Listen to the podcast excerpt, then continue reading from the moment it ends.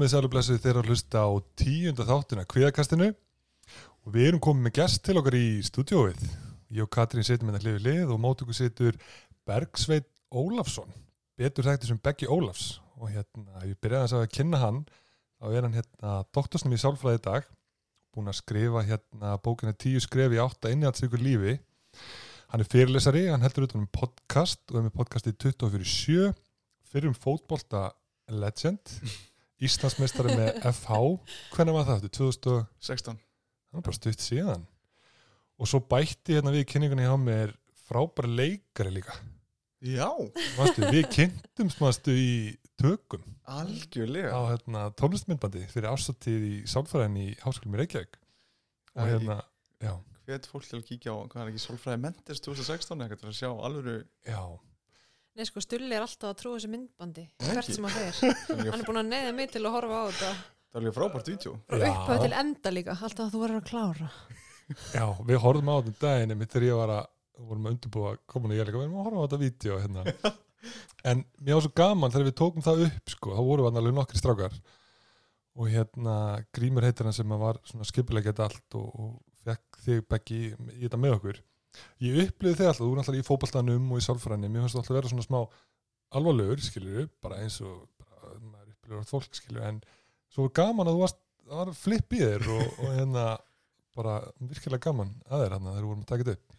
Þetta er, þetta er áhugaður punktur því ég fæ það mjög oft. Já, Ég fæ mjög oft að fólk heldur að ég sé alvarlegur og ég vel svolítið þurr eða kass, kass, kassóttur. Já, en síðan að fólk verið tíma með mér að hérna, kynnist mér betur og þá er það vanlega ekki raunin Þetta er, ég er búin að fá þetta komment bara að fá þetta frá öðrum ansi oft í gegnum síðust ár sko. já, Vá kom ég veist að áhugavert að því núna er ég að hitta þið fyrsta skipti Mhm. og mér finnst þú bara fáranlega svona vinalegur mm. og mér finnst líka svona áhugavert sko, þegar þú varst að hitta okkur þá eittir þú greinlega smá tími í bara svona hvað er fullt nafni að þér? Er einhver tækni Já. þar á baku að reyna að munna nafnið á fólki? Mér finnst bara ég tek eftir því sko að þegar ég er að tala með einhvern, hvað sem er í podcast eða eitthvað svo leiðis, eða ég er að tala við eitthvað fólk, eða eitthvað fólk nefnir nafni mitt við sérst í samræðanum, þá einhvern veginn strax kann ég meira meta einstaklingin Mhm. þannig að þú veist eins og núna ég spyrir þau um fullt nafn þú veist, Katrín og Sturla að þú veist, ef ég get talað við ykkur og nefnt nöfnin, að þá einhvern veginn já, held ég að ykkur munu þið munu kunna mig betur fyrir vikið sko. já, Ég hugsaði strax bara eitthvað, vá, ok, hann er að leggja þetta á sig að muna bara eitthvað fullt nafn hjá mér. Og svo finnst mér líka bara nafnið mitt það fallegasta í heimi. Þannig að þú veist, ég fæ svo lítið hjarta þegar fólk segir Katrín og er ég bara eitthvað svona, já, ok.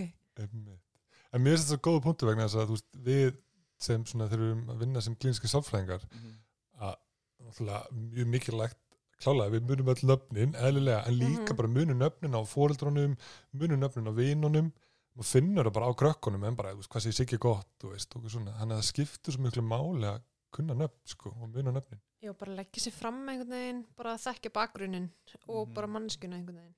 Já, algjörlega. Herri, ef ég fer aðeins í hérna dagskrána þættinum í dag kannski byrjaði að tala um af hverju við fengum Begga Ólas til okkar. Um, við vorum aðeins að svona, við erum búin að vera skipulega þættina hvernig við viljum hafa þetta svona uppsett og við vorum búin að vera að tala um svona frekar þannig sé alvarleg málefni, við vorum að tala um áföll síðast og við vorum að tala um félagskvíða og svo framvegis og tilfinningar almennt og eitthvað, við ákvæmum svona aðeins við viljum aðeins breytum gýr og reyna aðeins að átt á því bara í rauninu svolítið fókus á styrkleika og þrautsi og þessar hluti og aðeins svona skiptum gýr hvað það varar en ef ég fer aðeins við dagskrána þá langur okkur aðeins að kynast begga aðeins betur og átt á því af hverju hann ákveða að fara þessa leið í náminu og, og vinnu. Og í rauninu bara svolítið átt á því hvað er hægnið þjálfunsálfræði og hvað er jákasálfræði og svolítið svona hvernig veist, vinnan svo vinna fyrir fram bæði í tímum og svo líka bara veist, fyrirlistran og allt þetta og svo fengum við fullt af geggjum spurningum á Instagram sko, sem að okkur finnst eða bara svolítið svona ná að halda uppi dagskrán í dag og það er einmitt verið að spyrja um þú veist, hvernig maður að sína þrauts og æfingum hvernig maður að mæta æfingu og koma sér í gegnum æfinga sem maður meikar ekki hvernig maður að hámarka getuna æfingum og allt þetta. Og ég held að þú getur klárlega leifbænt okkur með margt af þessu spurningum þannig að mann langar eiginlega bara að vinda sér beint í spurningarnar en byrjum á réttum stað samt sem aður og þá langar með að spyrja það bekki henni byrjun hvernig fórst þessa leið í, og hvernig ákast að fara í þjálfunarsálfræðina í rauninni það var bara í rauninni nokkuð óvænt sko að ég fór hann í BS í HR Mhm. og það var bara svona skásta sem ég gæti valið með fótboltanum í rauninni sko og var ekkert eitthvað með mikla ástriðu fyrir sálfræði þá en, en, en að, að því sögðu samt að það hafði ég alveg áhuga fyrir henni en hún var aldrei eitthvað svona sem ég var með fókus á ég ætlaði bara að rættinum maður í Mhm. Þú veist, sálfræðin var bara í, í öðru sæti sko. En síðan er ég að hugsa hvað ég vil gera eftir BS í sálfræði og ég hugsaði svona uh, að klíniska leiðin væri ekki alveg það sem ég vildi gera Mhm. svona til að byrja með þó, finn- þó ég hafi hugsað aftur og aftur um það að fara í það og kannski gera það í daginn, ég veit það ekki en þá, og kannski tengist bara svolítið minni sögu ég hef kannski ekkert lent í einhverjum áföllum eða, eða átt í rosalega miklu mennumleikum Mhm. sem gerði það að verkum að sko ég rambaði einhvern veginn inn á þetta nám Mhm. semast í hagnýtt jákvæðsálfræði og þjálfunarsálfræði í University of East London og ég var ennþá stefn á aðunumann drauminn og ég gæti lært þetta að hlutil í, í, í fjarnami Mhm. en ég ákvað að skrá mig í það og ég var svolítið svona ég vildi í rauninni það sem ég varst áhugavert var í rauninni það sem þið kannski tengi við sem kannski sem þessir humanísku sálfræðingar voru að leggja upp með á sínum tíma þú veist hvað hvað einkennir bara innihalsikt líf? Mhm. hvað einkennir gott líf, hvernig lifir maður góðu lífi, hvernig, hérna, hvernig fer maður umfram, umfram það að vera laus við að liða illa, hvernig blómstra maður í lífinu, hvernig líður maður vel, hvernig, og mér fannst þessi hugmynd, þetta nám, fangaða svo mikið að ég gætt öðlast þarna einhver verkfæri til þess að hjálpa bara í rauninni rosalega ví- víðum, víðum uh, einstaklingum á, á alls konar sviðum í lífinu, hvort sem það er í, í lífunu eða íþróttum eða í vinnu og svo framvegis, þannig að mér finnst þetta svo heillandi nálgun og eitthvað kannski sem tengist því sem að hefði var að upplifa í gegnum það að stem- stefna því að vera atvinnum maður í fótbolta Mhm. að mér finnst svo heillandi hinn hliðin af sálfræðinni í rauninni Mhm. e, því að kannski fókusin hefur verið mest að hjálpa fólki að vera lausvæli illa sem er alltaf bara mjög verðið markmið Mhm.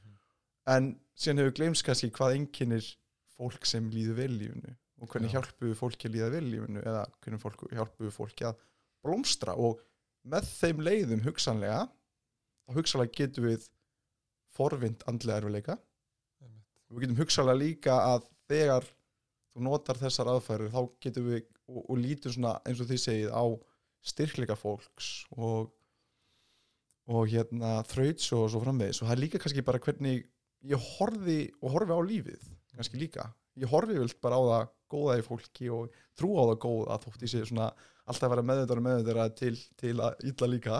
En þá er það örgulega bara ég valdi það örgulega bara því að það tengis hver ég er sem einstaklingu sko, á þess að ég hefði vitað nokkurn veginn að því sko. Já, mér finnst áhverð þú segir sko, þú ert svolítið veljandi þess að þú segir út frá þínum bakgrunna einhverju leiti og þú segir ég hef ekki upplegað einhvern veginn svona kannski áföll og svona og ég held, þú veist, þegar maður heyrið þið segja þetta, ég held að sé alveg klálega margir sem fara í klíniska sálfræði eigi eitthvað svona bakgrunn með svona mikið kvíða og debur, mögulega áföll. Þannig að, þú veist, mér finnst áhverð þú segir þetta, en mér finnst líka áhverð þú veist að segja að hérna að þú veist þessi hinn hlið þú veist kannski hérna er vandin en svo þú veist að fá til til sín fólk sem líður vel hvernig getur maður látið því líða ennþá betur? Af því að ég og Katrin erum alveg samanlega því að við fáum ekki oft til eitthvað skjólstæðika sem að hvað getur gert fyrir í dag? Bara heyrðið mér líður bara vel. Mér langar að líða ennþá betur. Ég, Nei, ég held við lendum aldrei í því. Þannig að það er auðvitað mjög skemmtilegt að fá til sín bara einhvern veginn einstakling sem að fungera bara frekar vel og er kannski bara með eitthvað markmið og er kannski ekki með færnina til þess að ná þeim. Mhm. og það væri það fólk sem þið leitið til þín. Hvort sem það væri bara í íþróttum eða í vinnu eða í námi eða eitthvað slíkt. Það er rauninni bara fólk sem leita mig til mín í, þá þjálfuna sálfræði í, í, í, í þjálfuna sálfræði tíma sem bara spjall milli tveggja aðalega sem er einblínd á þroska hins aðalans eða vöxt og getur líka unni með teimum en, en, að- en það er yfirleitt bara að hjálpa honum að eiga með einhvers konar áskorunir að ná sínum markmiðum. Það getur verið alls konar. Ég, hérna, eins og ég segi, ég getur verið með einhver engslind hjá mér sem er prófessor í háskóla og annan bara hérna tíu ára einsling frá Selfossi sem er að yfirsti einhvern skilur óta í íþróttunni sinni skilur en það getur verið, fólk getur verið að yfirsti einhvers konar áskoranir og, og erfileika líka. Mhm. þú veist að einhverju, einhverju leiti uh, það getur verið að taka ákvarðanir lifa kannski aðeins heilplæra lífi lifa innhalsíku lífi þú veist, að ná því mesta úr sjálfum sér og hvernig, hvernig fer, óskofunum fer ég að því. Um, það getur verið að bæta mataræði hvernig held ég, þú veist, við held ég reyfingunni og allt svona, en þetta er bara rosa svona vítt þannig að það er alltaf bara semst, þeir sem koma, þeir eru með eitthvað markmið á hverju þeir eru á staðnum og markmiðið mitt er að hann losniði mig sem allra fyrst Mhm. og hann getur verið hjá eigin, eigin Já. þjálfi sko Já. En hvernig er þetta ólíkt markþjálfun? Já, þetta er mjög góð spurning og ég fæn oft. Ég segi ofta að þetta sé markþjálfan á styrum. Eða svona einhvers, svona, einhvers konar sambland á milli markþjálfun og sko, klíniska sálfræði á einhverja vegu. Mhm. og ég útskýra þannig að þú veist þetta er rauninni markþjálfun með miklu meiri sálfræði bakgrunn.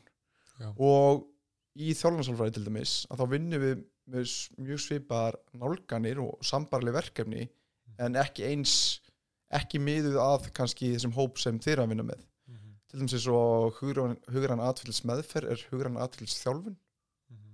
þar eru að vinna með eða þekkið náttúrulega, stuður kannski fyrir móti út í þetta en space módelið og allt þetta skilur mig? Þannig að alls konar módel sem við vinnum með sem, sem sálfræðingar vil vinna, vinna með líka uh, síðan eru alls konar svona nálganir undir þjálfunarsálfræðin eins og sem að velur sér bara sjálfur eða ka- kallar tilmans eitt er bara þú veist, hegurna þjálfun annað er hugrann atfylgsþjálfun skilur við, þriðja er tilveruð þjálfun sem er kannski svona mjög áhugavert og það er kannski eins og segi, maður fer mikið í það þá þá maður að vera mjög skýra á boundaries hvernig maður fer yfir sko Mhm. yfir það að vera coach yfir það, þú veist, að vera að stíga á einhver svæði sem sálfræðingur á að vera að vinna með Mm. síðan er til dæmis bara söguþjálfun Og er, er þetta það sem er að falla undir unni þjálfunarsálfræðin og þetta er unni þessi verkfæri þar í, eða semst aðferðina sem Já. notar er unni aðferðin og þar og undir hver einustu aðferð er ákveðna nálganir ákveðin módel sem maður notar þegar maður er í samtali með fólki. Hann er bara eins og að vera með verkfæra, póka af verkfærum. Mhm. kemur eitthvað þín og þú er búin að sanga rýmislega, rýmislega reynslu með skjólstæðingum og líka bara vel lesinn og hefur ákveðna reynslu í lífinu. Mhm. og þá nota ég mest megnis af því ég segi við alla ég er engin ráðgjafi ég, fyrst sem ég segi fólk, ég er ekki fara að ráðlega beint hvað átt að gera eða hvað átt að gera Mhm. hann getur vel að ég segi þetta getur virkað hérna er verkefni sem þú getur gert en það er undir þinn ábyrð að- að gera það Mhm. en ég vil frekar ég hlusta rosa mikið eh, spyr krefandi spurninga Mhm.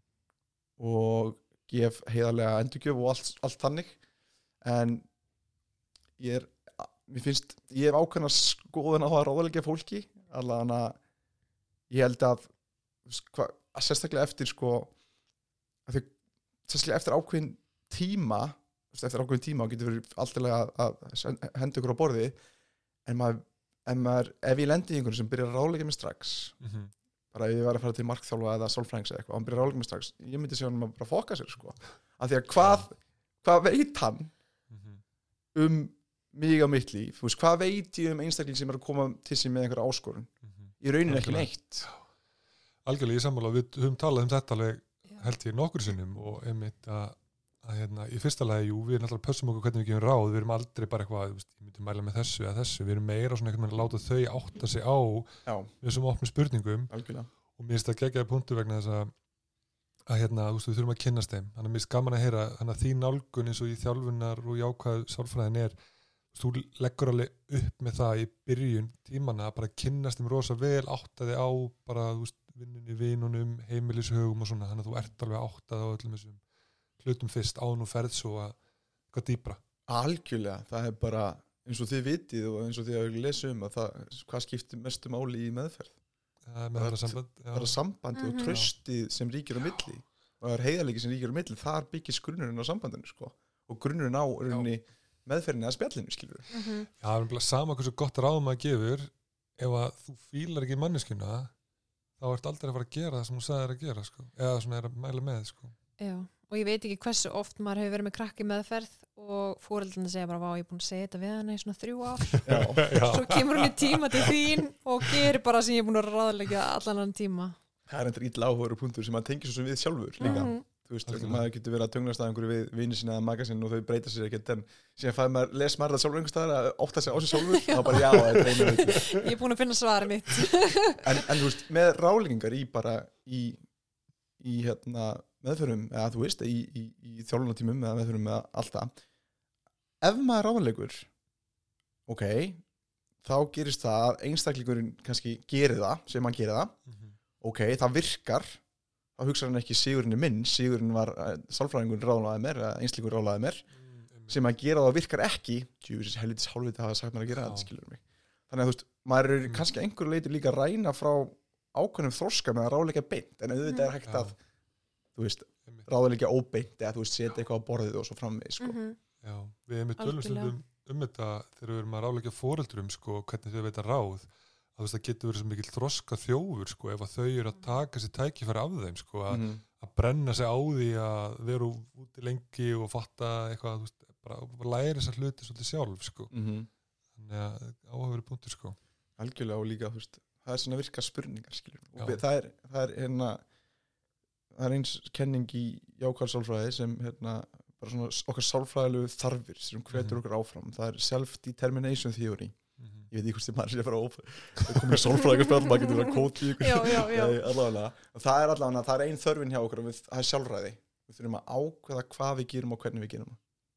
-hmm. þá öðlust við innri kvartningu við að gera hlutin Já, þess vegna þarf maður að taka síðan eigin ákvarðanir og í rauninni ekki að maður fái sensinni að fatta svarið sitt sjálfur að einhverju leiti sko. Já, mér finnst þetta líka gott að því að ef að þú gefur bara ráðinn að þá er fólk bara einhvern veginn kannski verður meira háðir. Mm -hmm. en þú veist segja á þennan markmið þitt er að þau losni við því sem fyrst þannig að þá meika sens að vera ekki að gefa kannski ráð heldur fyrir eitthvað leiðbunu fólki í mm rétta átt. Og svo held ég líka að, að því að við erum alltaf svona að reyna að fara ykkur á krókaleir og láta þau átta sig á sig sjálf. Og ég finna að ég er meira byrjar í dag að segja bara hva, hvað finnst þú að ég er að gera?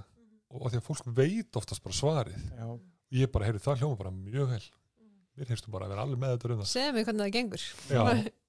bara ég hitti í næstu viku og hvernig þannig að Fó- fólk er með ótrúlistu hluti hérna Já. í kollinum sko. Mm, það er bara eins tíma til að tala um það og skipulegja í einhverju svæði þar sem það er enginn verið að dæma þér sko. Emmitt er örugt. Örugt og alveg klárt mál sko. og þetta segir mann bara hvað er ógslag mikilvægt að, að hérna, fá að ræða hlutina og einhvern veginn, þetta er svona við tölum stundum bara maður er svolítið að varpa þessu bara að skjávarpa. Þú veist, og maður er bara svolítið einhvern veginn bara skjávarpin fyrir þau og þau eru bara að horfa á vandamáli sitt svolítið utanfrá, ekki einhvern veginn svona partur af þeim lengur heldur meira svona horfa á þetta svona sem einhvern veginn. Ég meina ég, ég, ég hef hlustað nánast alla 60 mínúnar sem einhverjur hjá mér. Kannski tekið saman eins og tvisar spurt Mhm, eða kannski eina spurningu, tvekja spurninga. Mhm. og alltaf endurgjöfin sér fæði fyrir hann tíma. Beggi, þetta var frábær tími. Já, þannig að það er ótrúlega fólk kemst á hvað fólk segir þegar maður hlustar sko. Mhm. sko, mér finnst það mér finnst það mjög góð punktu vegna þess að ég upplifi líka einmitt alltaf sko, öfugt stundum. Ef, að ég, ef ég er búið með tíma og ég tala um mikið í tímanum þá er ég hugsaði með mér alltaf þetta var ekki góðu tími. Mm. Mér líður alltaf illa eftir þannig tíma. Mm og ég segja stundum bara, heyrðu, ég var að upplifa núna ég var svolítið mikið bara að tala. Þú veist ekki alveg verið eitthvað við vorum ekki alveg hérna í eitthvað svona syngi eða eitthvað svona. og bara, þú veist, við kannski reynum að bara bæta það næst. Og maður endilega hugsa eitthvað leiði hvernig við getum kannski þú veist, unnið að því næst. -hmm. en mér finnst það svo ávert, bara, þú veist, er bara nóg að og bara ofta að hlusta algjörlega. Finnið, sko mér langar að spyrja hana af því að mér finnst með ungu fólki líka mér finnst þeir algjöru snillingar í að leysa hlutina sjálfur Já, Mhm. þeir eru ekki út í að örglega er ekki með nóg að þroska en hérna framheila skilur mig og hann er ekki alveg full þroskaður mhm, það lífið er ekki að flóki og það er bara lustin er bara komin, Mhm. það er bara átt einhver enga stundur mhm.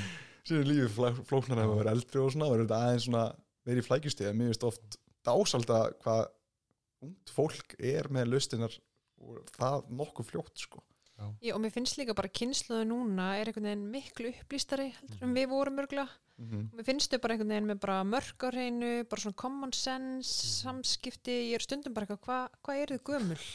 þú veist, ætti þið að vera ráðleika mér eða ótrúlega klár ég, ég, þetta er góða búin því ég hef lært bara Já, rosalega já, já. mikið af bara einhverju einhver yngra fólki sem ég bara byrju bara óreikur sjálfra mig bara En ég held þetta sé einmitt frábæð punktur að því að þú veist þó að við séum einmitt einhver, hérna, við séum sálfræði mentuð öll hér inni að þá einmitt gefa skjólstæðingarnir manns okkur svo ótrúlega mikið. Ég bara, þú veist, ég er búin að ég verð betri sálfræðingur með hverjum einasta einstakling sem kemur til mín í meðferð. Þó ég sé að hjálpa honum, þá er hann samt að gera mig betri, Mhm. þannig að þetta er svona give and take.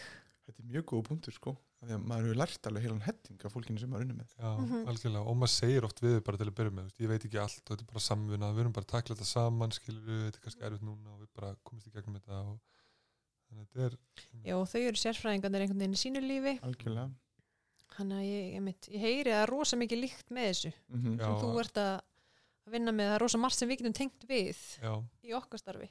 Algjörlega, algjörlega. en sko, ég er búin að vera að hugsa núna með við erum að tala að því fórst að tala um þetta er svolítið, þú veist, ef fólki lífi vel og svona einhvern meginn hámarka, þú veist, einhvern meginn svona sín, sína getu og færni og allt þetta. Að, þú veist, hvernig fyrir fólk sem er að hlusta núna og hugsa með sér hm, ætti ég að, þú veist, pröfa að fara til eitthvað svona sem er mentað þarna eða þú veist, fyrir hverja er þetta í rauninni, hvernig myndir maður, myndir þú segja að væri eitthvað svona markhópur eða er þetta bara fyrir alla sem vilja bara og kannski er eitthvað svona eitthvað fólk sem ætti ekki að koma. Þú veist, er einhver svona exclusion kriteria eða þannig, ætti fólk kannski með klíniska vanda frekar að fara til sálfræðings eða má það líka koma og er það eitthvað sem þú getur hjálpa með? Klálega, þetta er allt, þetta eru góða spurningar. Þetta, er, þetta snýst allt um ákveðið samkomulag. En hérna uh, ég hef unnið með fólki sem er líka sálfræðing til Mhm. dæmis þá er það að vinna með kannski eitthvað ákveðið hjá sálfræðingum og að vinna Já, öðrum hlut með mér meika sens Einmitt. já. um, og ég vinn ekki með veiku fólki skilur, sem er bara veikt og á móndu stað þá bara vísa þið að maður er svo, maður er svo Mhm. vel hérna, tengdur í þessu að maður vísa bara á, á aðra Mhm. og fólk sem er kannski á mjög vondum stað ég myndi ekki mæla með að þau myndi kíkja til mín og ég myndi sannlega ekki taka við þeim ég myndi spjalla við þeim ég myndi vísa, vísa þeim annað Mhm. og þegar þeir eru betrum höndum á öðrum stöðum Mhm. en síðan það sem maður hefur líka kannski þurfti að eiga við að því að þú veist, því nefnið, hvenær er maður að upplifa kvíða eða einhvern ótt ákvíð eða hvenær er maður með kvíðaörskurina sjálfa sem getur aðeins talað um greiningakerfi svo sem líka í bara sér podcasti hver segir að maður eigi að upplifa tvö af þessum enginum og fjör af þessum enginum í tvo mánu veist, af hverju er það ekki sex mánu og þrjú Já. og fimm eða, og með allt þetta skilur þannig að auðvitað, en ég er rosa meðvitaður um bara hvenar er ég að hvenar get ég hjálpað einstaklingum og þá er ég, og ég líka meðvitaður um ég, ég þekki þessar helstu raskanir og allt svona Mhm. og hvenar er einstaklingurinn ekki á réttum stað á að fara eitthvað annað. En það þýðir ekki að ekki hjálpa neinum sem er ekki að upplifa kvíða af því að við upplifum öll kvíða á einhverju leiti En þetta er sem er frábært að heyra bara, ok, þú ert bara meðvindar um bara félagskviða og bara einmitt greininga kerfið og veist einmitt bara, ok, hérna, hérna ætti ég kannski að vísa eitthvað annað Mhm. til einhvers fagaðila ef einhverjum er sjálfsugsanir eða eitthvað svoleiðis en einmitt, svo veistu bara að þetta er svona það sem ég kannski sér hafa mig og þetta get ég aðstofað með. mm Mhm. og það er eins og þú segir markkópurinn er í rauninni allir, það geta allir komið skilur mig, en ef þú, þetta er sérstaklega gott fyrir einhver bara sama hvað það er, ef það er einhverjir einhverjir erfiðleikar í lífunu, eða einhverjir áskornir eða þú ert að taka mikilvægar ákvarnir eða þú þarf bara einhvern til að tala um til að aðeins að kortleggja lífið þitt, skilur mig það er bara smá í þú ert Já. bara pínu óvissu upp í kollinum eða þú ert bara með eitthvað sem er að naga þig eða, eða hafa áhrif á lífið þitt sem þú veist að þú ert ekki að fara að leysa sjálfur. Þú þarft ákvæmna aðstofið að gera Já. það er rauninni markkópurinn og það, þú veist, þetta er ekki bara markmið hjá einhverjum er ekki bara að líða vel, skilur mig, það getur líka bara verið eins og segja að taka einhver ákvarðanir eða upplega en það mér í tilgangsríkara líf eða, Já, eða eitthvað svona afmarkað, þú veist eins og nú er ég bara að gangi gegnum eitthvað í mínu lífi já, og það bara hjálp til að komast í gegnum það. já, þess vegna bara, þú veist, eða það var einhver eða skilnaður já, eða eitthvað. ástasorg eða Mm Já. eitthvað svo leiði, sko. En þá sko ef við pælum aðeins áfram með einmitt tímana að því vorum að tala um Mhm. sko hvernig eru uppsettir og gaman að heyra þú veist þetta er greiðlega bara mjög svipa til að byrja með maður er svolítið bara að kynnast þeim og bara gaman að heyra að auðvitað tekum maður bara góðan tíma í það. En svo eins og ég okkur oft sko þegar við erum að vinna með vandan þá tökum við oft bara góðan tími að kortleggja vandan þú veist hvaða hugsanur og hegðunar að viðhalda vandanum. En hvernig er það eins og þér þá hugsa maður, þú veist, ef þetta er fólk sem er kannski á góðum stað eins og segja einhverju leiti hvernig er maður þá að kortleggja, ertu þá líka svolítið að pæli þú veist hvaða hugsanur við þurfum að viðhalda vandan, hvað hegðun er að viðhalda mögulega, þú sért ekki að svona optimæsa þig alveg 110% þú veist, hvernig svona nálgast þú að skilja svona þeirra mjög góð spurning og fyrsti tímin fyrst, já, fyrsti tímin er svolítið að kortleggja af hverju þau eru komining á hvað vil ég að fá Já. út úr, út úr veist, Mhm. okkar saminu og þar svona s- fær maður að kynna svolítið stundum er það eitthvað allt annað heldur en fólk heldur að sé að koma að tala um sko. Það getur bara verið ég vil öðlast betra sjálfströst en síðan er það bara eitthvað allt annað sem þau eru í rauninni að koma koma fyrir sko. Við kannumst við það alveg sérstaklega með sjálfstyrsti sko, Já. mjög klassist já. sjálfströst, við getum svo sem alveg hérna, Við erum í sér þátt um það. Já, bara verðum í sérþáttum það allavega. Það er alveg, já, en hérna, þannig að við kortleggjum að þar og bara hvað, hvað væntingar þú hefur til mín og hvað við getum gert og þegar við erum bara að kortleggja svona vandan í rauninni áskorunina þá eru nokkrar áskorun sem eru tengd þeirri áskorun og þá tökum við alltaf það, eru ok, í næstu tíma Mhm. þá kemur þú með hvað af þessum hérna er mikið, ég veit að við erum að fara að vinna þessu hérna markmið ákur úr tjá mér í þjálfun Mhm. en næsta tíma, hvað af þessum hérna áskorunum er mikilvægast fyrir það að byrja að vinna já, já, já. síðan tæklum við það í hver, hverjum, hverjum einast tíma og vinnum við rinni út frá því Mhm. þá erum við farin að tala um hugsanir og viðþorf og hegðun og Mhm. tilfinningar og allt þannig þannig að við einhvern veginn kortleggjum vandamálið og lífið hjá einslingum sem kortleggjum við hvaða svona máttastólpar eru þar í það er hann að eiga við að þú veist, hvað er svona aðal atrið sem hann er að sækjast eftir Mhm. og síðan tökum við alltaf eitt og eitt í einu. Það getur verið kannski segjum einhver komið mín og vilji lifa innihaldsíkar lífi, eða vil hámarka meira við sjálfa sig síðan getur verið bara að hann segir mér, já ég er búin að að skemma fyrir mig hérna því ég er alltaf fullur og, og, og hérna klesti áfullur eða misti prófið eða eitthvað eða ég er hérna að uh, hérna er ég bara að taka í vöruna, ég er að borða óvald uh, ég á vandamál með að trista fólki, skilur mig eða eitthvað svona, og þá erum við alltaf vinnu bara í þessum. Þáttum basically sko einmitt, þetta er þannig að, einmitt, þannig að þú ert svolítið að afmarka þú veist, þetta er náttúrulega kannski eitthvað vandamál mm. eða þú veist, þau vilja hámarka eins og eins og þú segir, svona skiptist þetta niður í þessu ógislega marga parta já, svo skiptast þeir líka niður í ógislega marga Mm. parta mér finnst það mjög áhugavert og hérna, mér finnst ég oft mér finnst það mjög áhugavert að heyra þetta vegna þess að ég er oft svolítið bara miðar að, þú veist, ég vinn með markmiðin að ég er eitthvað svona áttum að okkur hvað er að stoppa okkur hér og ég teikna kannski eitthvað svona veg eða eitthvað okkur hvað steinar eru að stoppa okkur á markmiðinu mm. sem er skamun að segja, þú út að búta þetta einhvern veginn ennþá meira niður, skilur, Mhm. sem er svolítið svipasamt en hérna þetta er einmitt áhverð að heyra svona þessa nálgun sko. þar síðan kemur veist, koma alls konar spurningar sem maður er með maður er kannski með í bakkund hausnum einhverja 200 spurningar eða eitthvað og kannski einhver þú veist, svo mótel og svona ákveðin spurningar sem þú spyrð. Og mhm, þú getur farið fram og tilbaka í mótelinu. Þú veist, hvað er staðsettur skilur mig? Einmitt. og maður notar maður er með þau. Og maður sér þú veist, ákveði minnstu líka hvaða mótel virka hvar og hvað hefur virkað vel hjá ákveðnum áskorunum. Mhm, þannig að maður einhvern veginn sækir þau og spyr ákveðna spurninga og fer með þau gegnum ákveðin svona mótel. Mhm, og þar vanlega kemur einhver útkoma sem einslíkurinn átt að sjá einhver öðru sem hjálpar honum. Mhm, hann er komið með einhver að skýra aðgerra á allum hvað hann er að gera næst þegar hann hitti mig. Mhm, eða hann er búin að leysa allavega áskorunna að einhverju leiti að koma með verkfæri til þess að leysa hana eftir spjallið mhm.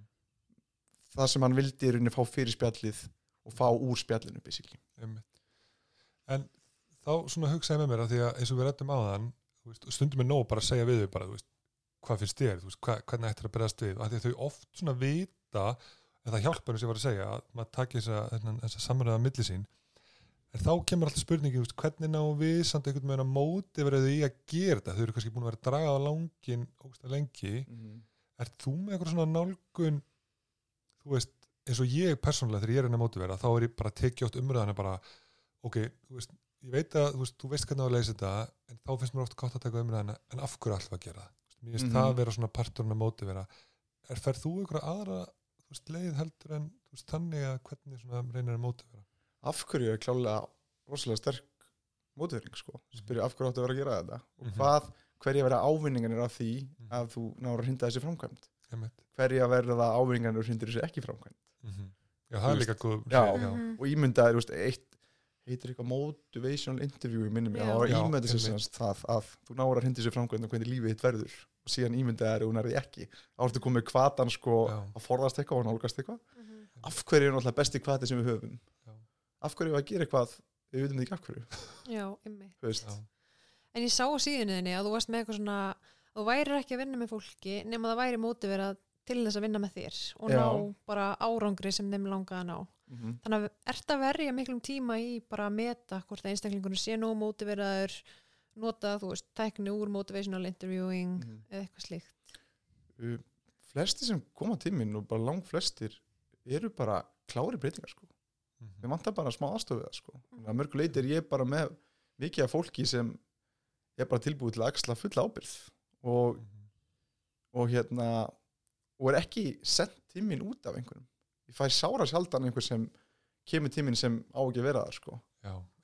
Já, einhver sem er þá bara neittur kannski fóruðar sínum til að koma til þín eða eitthvað jú, maður fær alveg dæmi um það sko. Og það maður bara auðvitað að því skilur en ég fæ mannilega fólk sem er bara þú veist, það er bara að fara að gera eitthvað og það er bara klárt í að tala um það og það er bara klárt í að gera það sem þau uppgöta í tímanum. Þannig að ég held ég þurfi ekkert rosa mikið að mótivera fólk sko. Einmitt. það mótivera sér svona í rauninni sjálft en auðvitað líka sem mótivera fólk er að þú veist maður hlustar á hvað það er að segja Mm. og maður hlustar að það hefur ákveðin verkfæri og ákveðin auðlindi til að díla við áskorununa eða að hrinda breytingunum í framkvæmd Mhm. að þá náttúrulega segir maður það líka bara heyrðu, ég er búin að segja að þeir eru búin að takast þetta, þetta, þetta, þetta, þetta þið tekist þetta í fortíðinni þú ert svona manneskja, þú ert að ég er, mín tilfinning fyrir þér er svona núna hann að oft þarf fólk líka bara ótrúlega litla kvartningu frá öðru fólki til að synda af stað einhverju ákvæðu sko.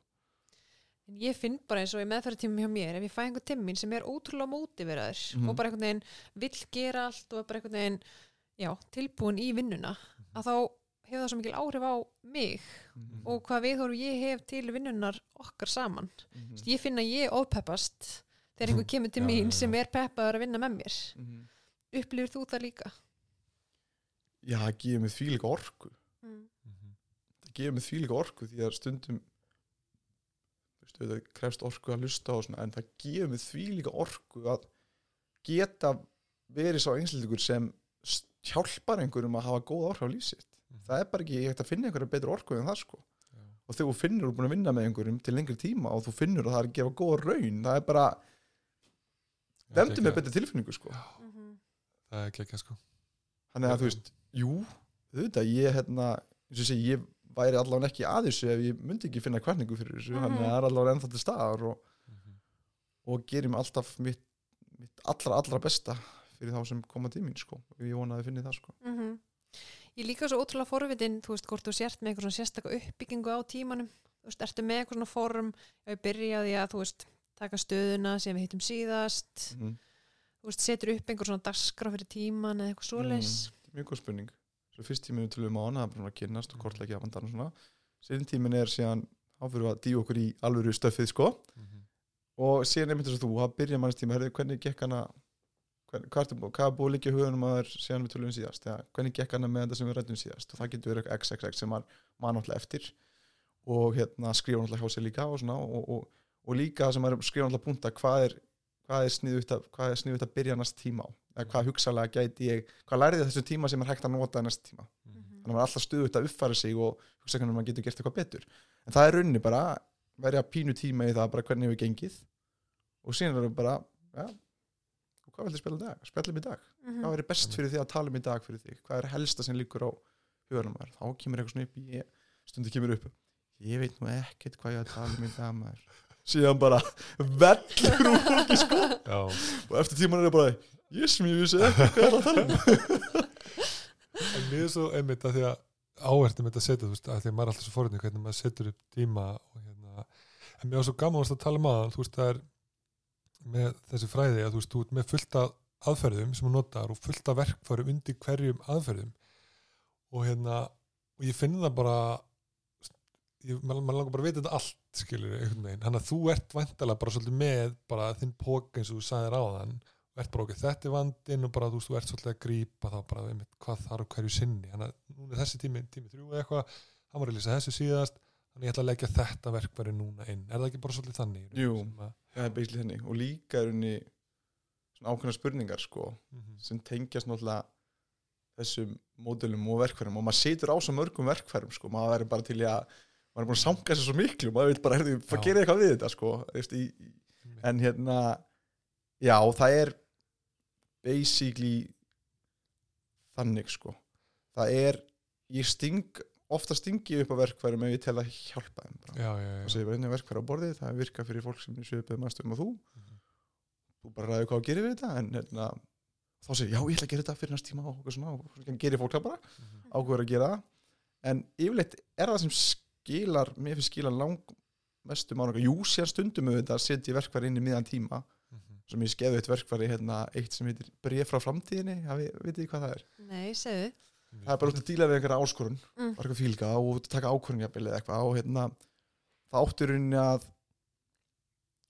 ímyndið er að sé tíu árliðin Mhm. þú, ef ég er 29 ára að 39 ára beggi væri að gefa 29 ára gamlu begga ráði í núverandi ástæðum aðstæðum. Mm, einmitt. þetta er tö- töfra æfing sko. Mm. og þá nærði einhvern veginn að ég láti fólk gera þessa æfingu og þau eru bara þetta, stundum þetta fólk líka fast stundum þá Mhm. nota þessa æfingu Mhm. ef samtalið er ekki alveg að virka Mhm. en þetta er svona, gefur mann svona annað, annað sjónarhorn á áskonum sem er eiga við og jafnvel leynist einhver viska þarna Mhm. en já, ég sem sagt set einhver verkfæri oft en oftast er þetta í formi einhvers konar já, bara í raunni samræðum þar sem ég spyr ákveðna spurning og síðan er eitthvað teika veg úr hverjum tíma. Mhm. En- Minnst svo áhugavert með þetta bréf. Já. Sorry, ég vil fá að vita Já, meira. ég-. Þannig að er þá kannski bara fólk svolítið svona næri ekki einhvern veginn að sjá stóru myndina? Eða kannski sér einhvern veginn sjálfum sig ekki þú veist, fyrir sér komast yfir þetta þannig að svona, af hverju er þetta hjálplegt þetta bríð, eða sérst, já, já, til dæmis bara svo ef við tölum bara um ákvarðanir þá getur ákvarðanir verið bara yfirþyrmandi Mm, þið þekki það, veist, allir þessi möguleikar og á ég að fara í þetta námi á ég bara að vinna, á ég að fara en þú veist, hvað með ef ég fyrir þetta og lokaði á þetta og allt þetta skilur mig mhm, og bara á ég að hætti þessu, á ég að halda áfram og bara svona, heyrðu, gerðu bara eitthvað þá gerist eitthvað, þetta er svona pínu þannig sko. En, einmitt. en, hérna, en þá kemur þetta alltaf sem gott verkfæri í að ná, að ná fyrir fólk að átta sig betur á þessu Mm. Og færa snæra einhverjum ákvörnum því þú ert komin í framtíðun og taka ákvörnum út frá því basically. einmitt, þannig ef ég kannski á ég að í þetta nám þá myndi kannski 39 ára ég vera veist, komin í stöðuna sem að myndi krefist þess að ég myndi fara í þetta nám. Ertu að menna það þannig? uh, einhver, það er alveg hægt sko. En meira bara svona til dæmis bara hvort myndi 39, og sérst, 39 ára einslíkurinn að hann myndi, myndi held ég sína þér það er að hvort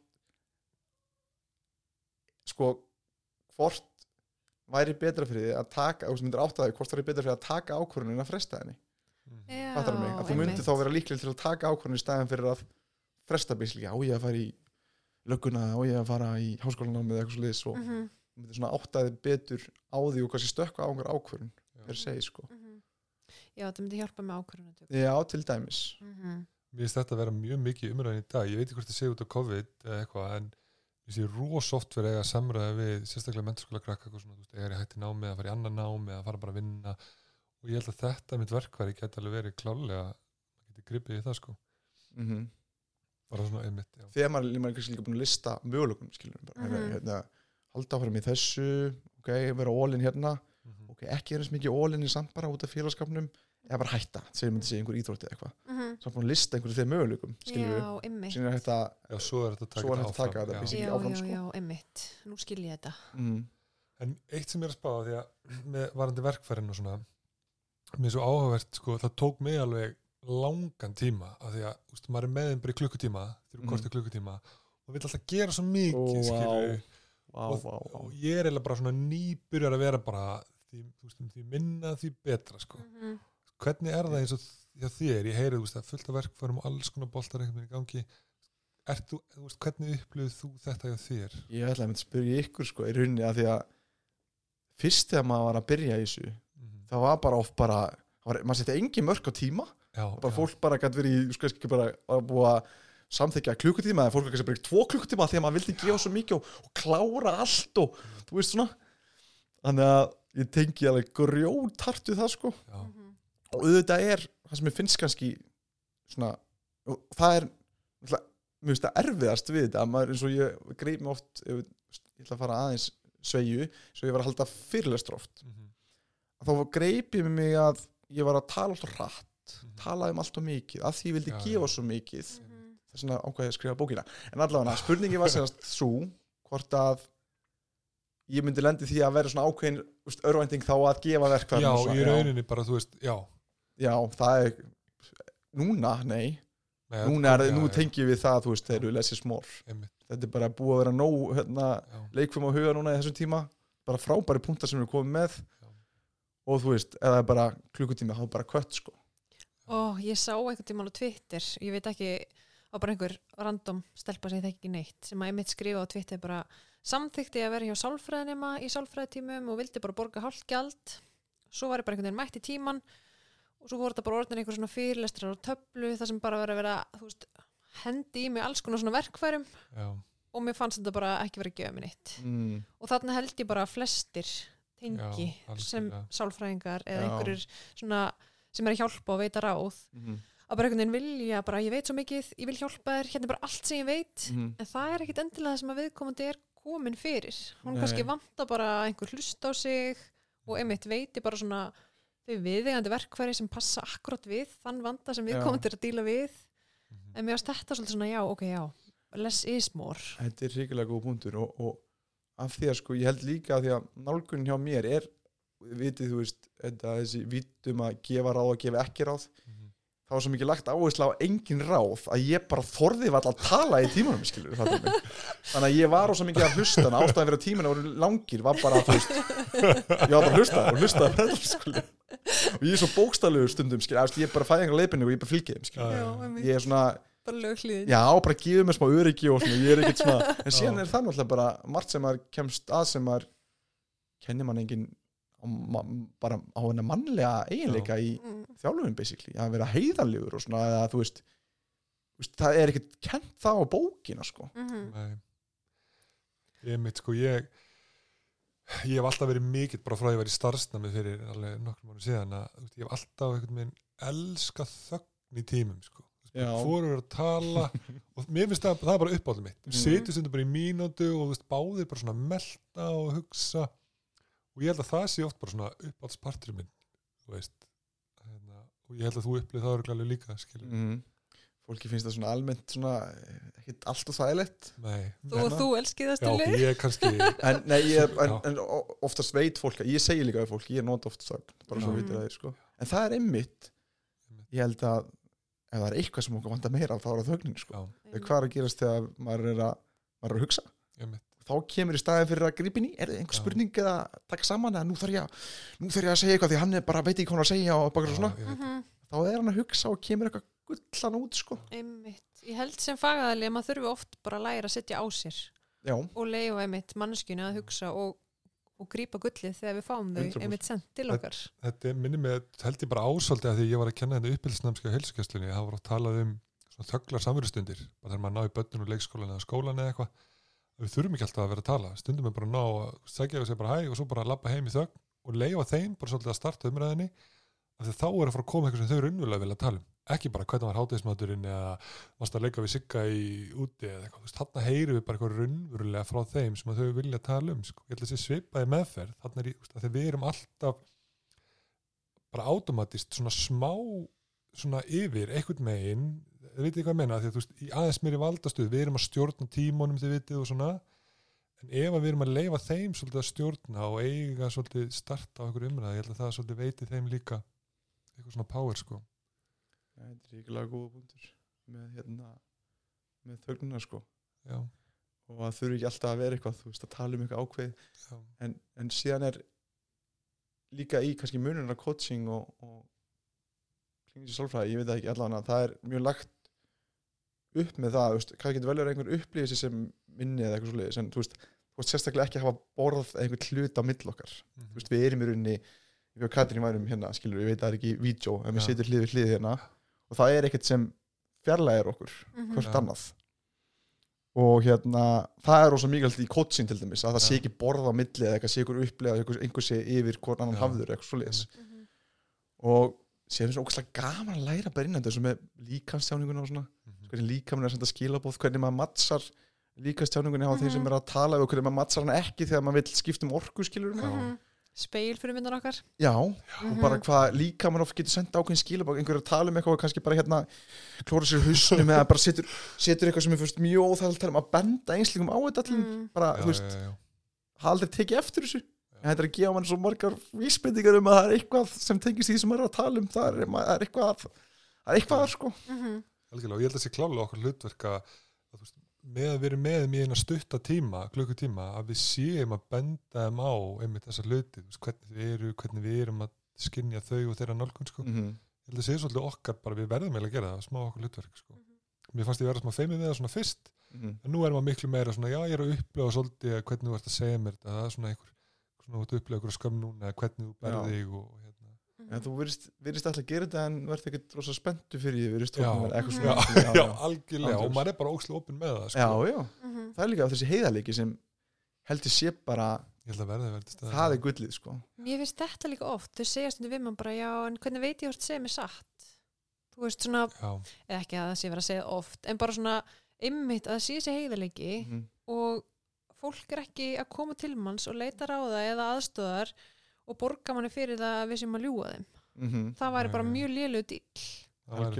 Fá, fáið þið einhvern tíma svona eins og fólk sé svona hættur um að þú dæmir veist, Já. oft svona fólk er svona að gefa ég, svona, ekki dæma mig að þú veist er hrætt við að leggja eitthvað á borðið en þannig ertu bara Já. rými sem þú finnur ekki sko, Já. fólk hefur sagt manni ótrúslega hluti og ég veist, fólk gæti sagt mér ótrúslega hluti en ég myndi aldrei dæma mm Mm-mm. Nákvæmlega, þetta er bara örugt svæði Já, þetta er bara Mhm. svæði sem það er eitthvað fórsend, það er ekki dómar Mhm. þetta eru bara tveir einslingar Mhm. sem eru að vinna saman að bæta annan og vonandi að hindra í ávinningin að í leiðinni Mhm. ég er svo ótrúlega forvitin að vita þú veist, er eitthvað svona að því eins og bara í hugræðna allismeðferð er talað um eitthvað svona 12-15 tíma það er svona yfirleitt svona standard Mhm. og það getur auðvitað verið minna og það getur verið miklu meira bara út frá vandanum mm -hmm.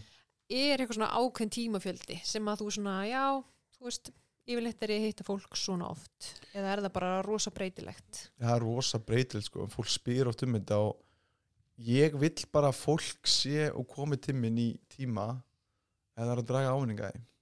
Og Mhm. mér langar ekki að binda fólki að það er ekki að vera lengur hjá mér. Þannig að nálgunni mín er bara við tökum bara tíma fyrir tíma. Og oftast er það þannig að, að meðaltal eru tímanni kannski sumi koma tíminn í 30 tíma mm aðri koma tíminn kannski í fjóra tíma. -hmm. Þannig að fyrir allt eftir markmiðum og allt eftir kringustæðum og aðstæðum og þar fram eftir göttunum en og oft er þetta veist, vikulega í byrjun sem kannski tvær vikur, sem kannski bara mánaðarlega Mhm. og mér finnst bara heldur fínt að taka þannig af því að ég segi alltaf alla veist, veist, annað ég sagði að ég gef ekki neinn ráð Mhm. uh, og varðandi þetta ég segi annað sem ég segi er að við erum í sábúkulu og það er, mátt segja hvað sem er í sábúkulunni og, og ég fer ekki neitt úr sábúkulunni og þriðja sem hérna ég segi, hvað var ég eftir að tala um?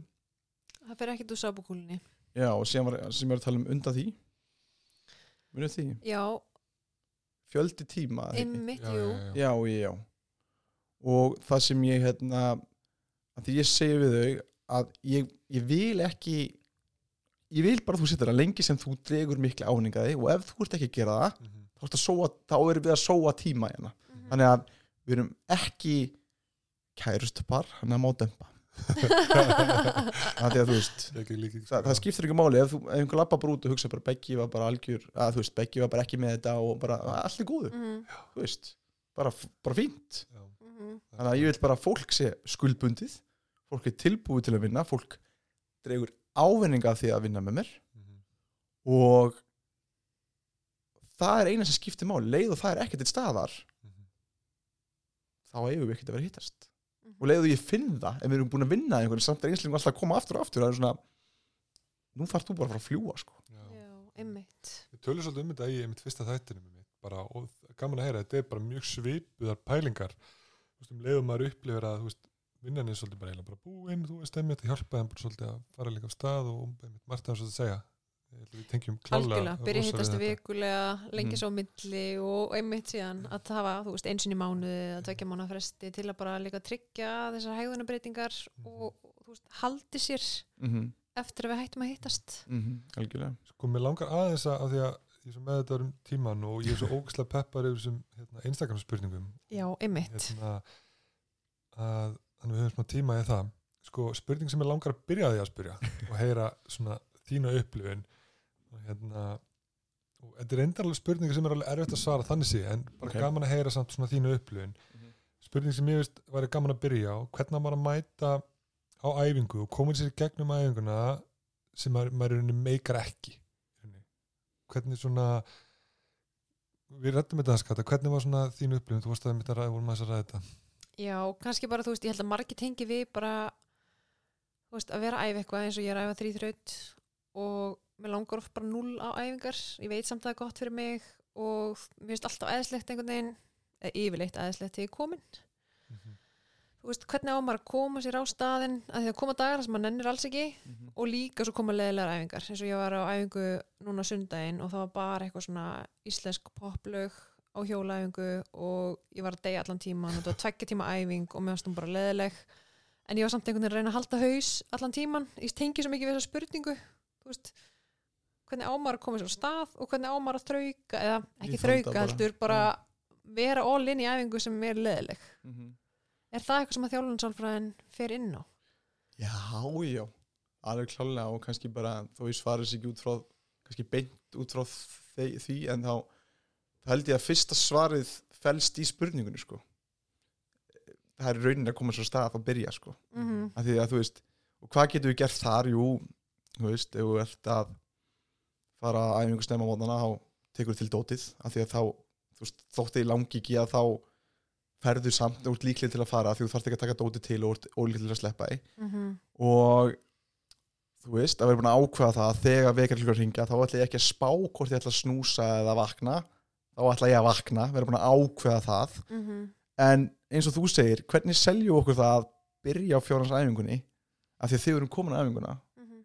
að þá stundum eigum við mjög góða æfingu og okkur líður helviti vel á henni algjörlega þannig að ég myndi segja að grípa sjálf sig þegar maður er byrjað með einhverjar ásakanir eða maður hafi ekki tíma eða maður er alltaf að fresta því eða whatever mm -hmm.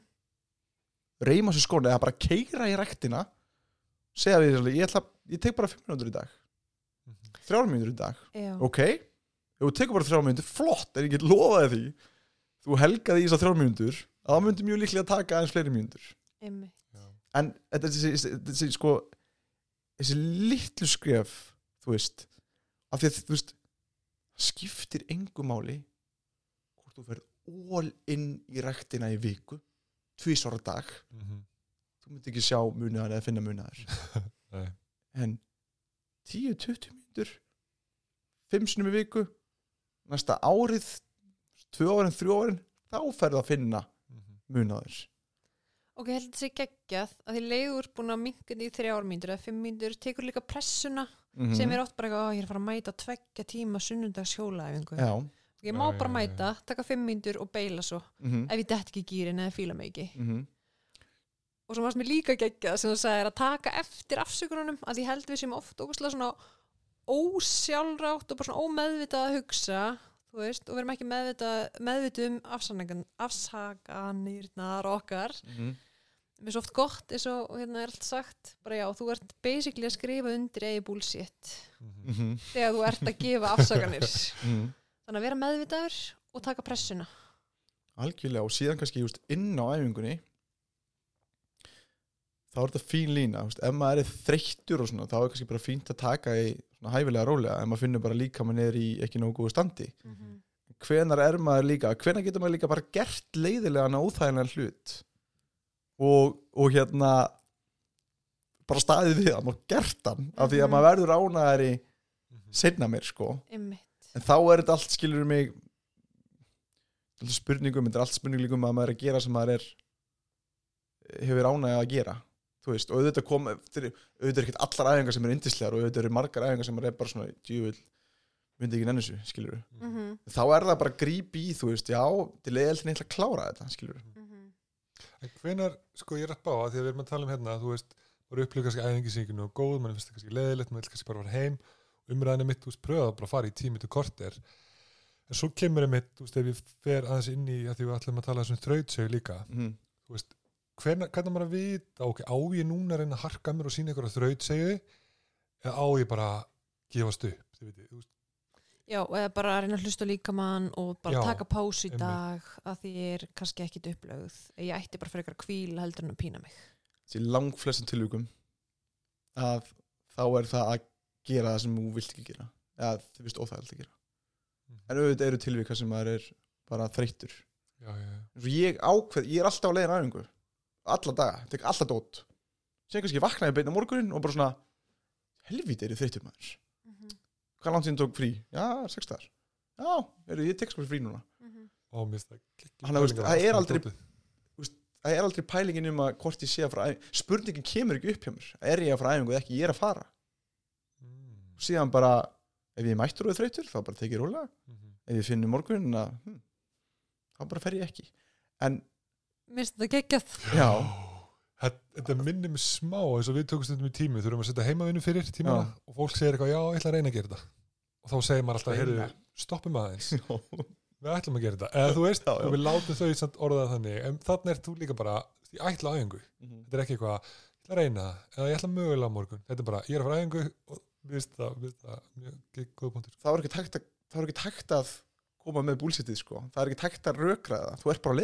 á leiðinni og þú veist auðvitað er þetta einhver þrautsega sem kannski þú veist þú getur eftir ákveðin tíma og svona skilur það er, þú veist, 10 myndi vera 20 myndum og 20 myndi vera 40 myndum og þú veist, síðan byrjar að fara í kaldabæðið og síðan byrjar að pína þig pína þig ekki að slappa í þrjár myndir lengur í gufu og svo framvegi skilur mig. En þú veist að því að líka þú veist, að gera eitthvað sem er óþægald og krefendi þetta er ógæslega fyndið að sko, hvernig hugmyndir svona virka á hvort annað. að það er oftast það líka sem gefur lífinu mestan lit.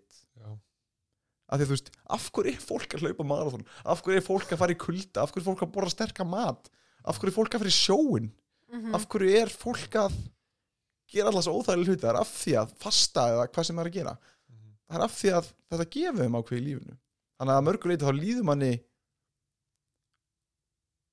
óþægilega og þegar manni líður óþægilega eða þú veist, manni er að gera eitthvað krefendi það, þá er það á sama skapi eitthvað sem er þess virði að gera. Skunar hugsuðu þið síðast bara gera eitthvað auðvelt og eftir að voru bara þetta var þess virði. En þú getur lofað eitthvað því að þegar þú veist svo við möll verið á æfingu hlaupaæfingu hjólaæfingu eða í rektinni og, og kemur þessi hugsun hérna bara er þau sem þú sett bara maksa í hlaupaæfingu. Og ekki bara, er núna stoppari Mhm. nú bara, herri, nú hættur, nú ertu bara hann þreyttur og og, og annarkvort hættur eins og ég hef gert og geri þú veist, ég bara eða maður segir, haltu kjafti og maður heldur áfram. Hversu mikið hugsa maður eftir æfinguna þegar maður heldur áfram? Það var fokk erfitt en djöfull var þetta þessi virði. Já, mér finnst það góð punktur og ég einmitt, maður ásöða þess að umröða oft í tímum þegar maður er að tala við fólk, veist, það er eitthvað svona já, þetta er eitthvað svo erfitt að nálgast þetta eða þú veist, ég nenni þess ekki, eða eitthvað svona obstacles, eitthvað svona, mm eitthvað svona hindranir. Og maður þarst bara að taka svo umræði með þeim að það er allt sem að einhvern veginn ítur undir ánæði hjá manni er eitthvað leiðilegt á leiðinni bara eins og við talaðum á þau, þú veist, fara gegja að vinnu, þarf að fara í mögulega eitthvað leiðilegt atvinnuvittal eða þú veist, það er alltaf eitthvað sem er þú veist, erfitt krefindi og mögulega leiðilegt bara líka, en svo in the end þú veist, það er ekki bara grunn forsenda fyrir því? Jú, og myndi Held maður það. vilja hafa það einhvern veginn öðru sig við pælum maður síði, myndi maður vilja bara fá allt upp í hendunar þetta væri bara auðvelt. Vill maður, ég er ekki ströggli það sem maður gerir þetta, þú veist af því að þú veist, nú erum við eina sögur sem kom upp í hugan, ég manni voru allir að fara að skoða elgósið hana á sín tíma. Mhm. og ég fór að þegar allir íslendingar voru að fara. Og ég var náttúrulega komin og var að fara sko tíu metra á svona tíu metrum bara í Grindavík. Sem sá ég einhverja stráka hljóðan og herðu, við ætlum bara að lappa já, það er bara tíu, það er sex kilometrar í staðin sem maður lappar upp og svona, ég bara hm, mættur á staðin ekki, sens ég er að fara baka út í því sko. Ég laði í bílnum og hljópa stað. Ég hljóp einhverja 6-8 kilometra fór upp á fjallið skoðaði elgósi svona var með eitthvað ískallt, var með eitthvað netismjör og eplu og svona, já, þetta er bara næst að sjá þetta en ég er bara hann góður. Þannig ég hleyp tilbaka og þetta enda með því að vera bara einhver skilur við fimm tíma ferði eitthvað. Mér fannst elgósið ekki fallega við ferðina. Nei. mér fannst strögglið við að sjá elgósið gerði það þess að verkum að upplifinu var svo góð. Og ég man miklu meira eftir því heldur en upplifinu sjálfa. Þannig að mörgu leiti er þú veist þá er þetta ströggl þrátt fyrir að sé erfitt það, það gefur mann alveg gífulega, gífulega, gífulega mikið af því við viljum ekki lifa það í lífi Já. þrátt fyrir að við höldum það Ég heldur mitt, þú veist, það að keppa í járnkarli, mm. þú veist, mér myndi örgulega ekkert finnast það jafn geggja ef það væri bara allir að gera það fyrir hádegi og mándegi. nákvæmlega Þú veist, þá væri ég kannski ekki að æfa jafn mikið fyrir það, mm af því það væri ekkert ströggl og það væri bara auðvelt fyrir alla. -hmm. Þannig ég held að mitt Já. strögglið sé partur af því að maður er að leggja eitthvað svona á sig. Mhm. og líka, veist, bara ef maður hugsa um í meðferð, þú veist, erfiðu mál og ég man, ég átti ekkert með samtalið köttu, ég var alveg bara bara bugaði með eitt mál hjá mér og Kata sagði mitt bara eitthvað, hugsaði bara hugsaði bara þegar þetta verið komið í góðan farveg, hvað eru áttur að liða vel skilur, já, vá og svo er mitt manni að kom tímapunktur og það er bara bara mest ánægði sem ég upplegaði í starfi held ég, sko. og það var svo gott að heyra þetta frá köttum bara hugsaði bara að þetta er komið á stað skilur mm Að því stundum líður mann eins og það sé aldrei að fara að gerast. já, Þú veist, maður er fastur í strögglinu svo lengi já, já. að maður sér kannski ekkit fyrir endan á því. Mm Eins og bara maður getur örgulega séð á æfingum eða, já, bara í hverju Algjörlega. sem er. Og ég held kannski líka að það sem hefur kannski hjálpað mér á æfingum og ég veit ekki hvort þú notar, er líka að minna mig á hvað er endamarkmiðið þarna. já, mhm, Þú veist, af hverju er ég að gera þetta? þetta er ríkilega góða punktur og bara, þú veist hvað sem velta fyrir hvernig manneskja vil ég vera mhm, þú veist, ef við tökum bara, ok, tökum spesifík sreifingu, ok, hvernig, hvernig er heilbriða manneskja sem sé fyrir mér eftir þrjú ár? Hvað er hann að gera, hvernig, þú veist hvernig hegða hann sér, hvernig hugsa hann sér? Og svo framvegis, ok, þetta er manneskja sem ég sé ok, ok, af hverju viltu það? Af hverju, þú veist, hversu gott töl er á þrautsu að vita af hverju? Við veitum öll, þekkjum öll söguna hérna að Viktor Frankli í fangabúðum í Ásvits það sem kom hon- hon- honum af og lifið úr ástæðum var af hverju. Mhm, því að vissi að því þú veist, ef þú veist af hverju þá getur þú komist yfir hvað sem er hvernig. Þannig að þú veist af hverju þú vilt vera heilbriður sem þú vilt bara vera orkumikill í að alltaf krakkana hérna þeir vill líða betur eða þú vilt bara verða heilbriðan manneskja. Mhm, af því að það gefur þig mikið, af því að þú ert heilbriðar þá getur þú sint öllu í vinnuninni betur þú getur verið betri móður, betri faðir, betri vinur allt frá þetta við gotunum mhm. þá verður þetta hvernig allt þess virði sko. Mm -hmm. þannig að maður sko veit hvert maður er að fara af hverju maður er að fara ánga, maður er með ákveðina leiðir til þess að uppfylla markmiðin sem maður er að stefna á mhm. þá verða þess að ákvæmur auðveldari af því að maður er alltaf að kjósa um hvernig manneskja maður vill verða með ákvörðunum sinum Mhm. þá verður ólíklega að maður fari sleppi æfingu heldur en fara á æfingu ef maður veit hvert maður er að fara og af hverju algjörlega þá er miklu auðveldar að forna núverandi ánægi sem er svo erfitt Mhm. þú veist að fara í sófan eða fara ekki á æfingu í eitthvað sem gefur manni ávinning til setni tíma. Já, og ég held líka ávinningur að vera að tengjast eitthvað svona það verður að vera eitthvað svona get innra gildis hlaði sko vegna þess að veist, 100% ef ég hugsa um sko, ég man þegar ég egnaðist stelpunum mína fyrir árum síðan einmitt, þá var ég svolítið bara í tópaki og var ekki að reyja mig og eitthvað. Þarna var ég komið eitthvað ástæði eins og varst að tala um bara einmitt, að vera góð faður og eitthvað svona. Þarna var bara komin eitthvað ástæði fyrir þetta var ekki bara eitthvað svona að mér langar bara að líta vel út mm -hmm. þannig var ég bara, mér langar bara geta leikið í barnum mitt og verið bara ekki, allt þetta, þá er maður að koma með eitthvað svona innri gildis ástæði og það er þessi mótiverandi faktor sko, og finna þessar ástæðar, af hverju vill Mhm. maður breyta sér sko. þá myndast þessir innri kvati innri kvati, eins og maður er unni með fullt af fólki sem er með ytri kvata og það er bara, veist, ok, þetta gæti gengið í stuttan tíma sín er þetta að fara að feila alltaf sko. Já, þetta er ekki, þau hórst að lemja það með svipun á baki þegar þú ætla bara að missa 20 kíló bara 20 kíló, 20 kíló þá verður þetta allt svo yfirþyrmandi og þið, hvað ætlar að gera þú eignast, losna 20 kíló? Og þá er miklu meiri ytri kvati en þegar innri kvati kemur að þetta er einhvers konar maður, er einhvers manneska sem maður vil verða. Mhm, þetta er eitthvað sem tengist gildismatinu sinni upp á þú veist, fjölskyldu og vini og svo framvegis. Mhm, þá er þetta eitthvað sem maður er líklega til þess að vilja gera og viðhaldi lengri tíma af því að þessi innri kvati myndast. Já, þá þurfum við ekki að berja okkur áfram með að gera þessa hluti. Þá viljum við gera þessa hluti. Ég held að fólk gerir þetta rosa oft bara að ætla að fara að æfa eitthvað, að vera að reyfa sig. Að það er bara eitthvað, mér langar bara einmitt, að missa x kíló eða eitthvað. Í staðin fyrir að hugsa bara svolítið vel bara af hverju er ég að þessu? Og ég held að þurfi bara nánast bara í staðin fyrir að taka klukkutíma að vera í rektinu fyrsta tíma, nánast bara setjast niður og bara taka fyrsta klukkutíma nýja pæla af hverju, nákvæmlega, ætla maður að gera það? Af, já, og líka sko að því við, stærsta spurningin er við vitum þetta allt. Við Já. vitum ef maður hefur okkur en stærsta spurningin er hvernig við okkur til þess að hreyfa okkur skilur. Það er sko. Er stór spurning. Mhm. Eitt sem ég langar að ræða hérna, hérna sem ég var til að taka líka fyrir er styrkleikar. Og hérna maður upplifur rosa oft í meðferða að maður alltaf oft í fyrsta tíma spyr maður oft svona já, hver eru styrkleikar í barninu? Eða spyr barnið, þú veist, eða einstaklingin Mm. þú veist, bara hver eru þín styrkleikar? Fólk á oft erfitt með að bara bera kennsla á þá og maður bara sjálfur er maður hugsa um sín styrkleika. Maður þarf alveg bara virkilega að pæla í því. Mhm. hvernig þú veist, að því ég get ímynda mér í vinnu, þinni vinnu að þú ert mikið að leggja áherslu á styrkleika hjá fólki.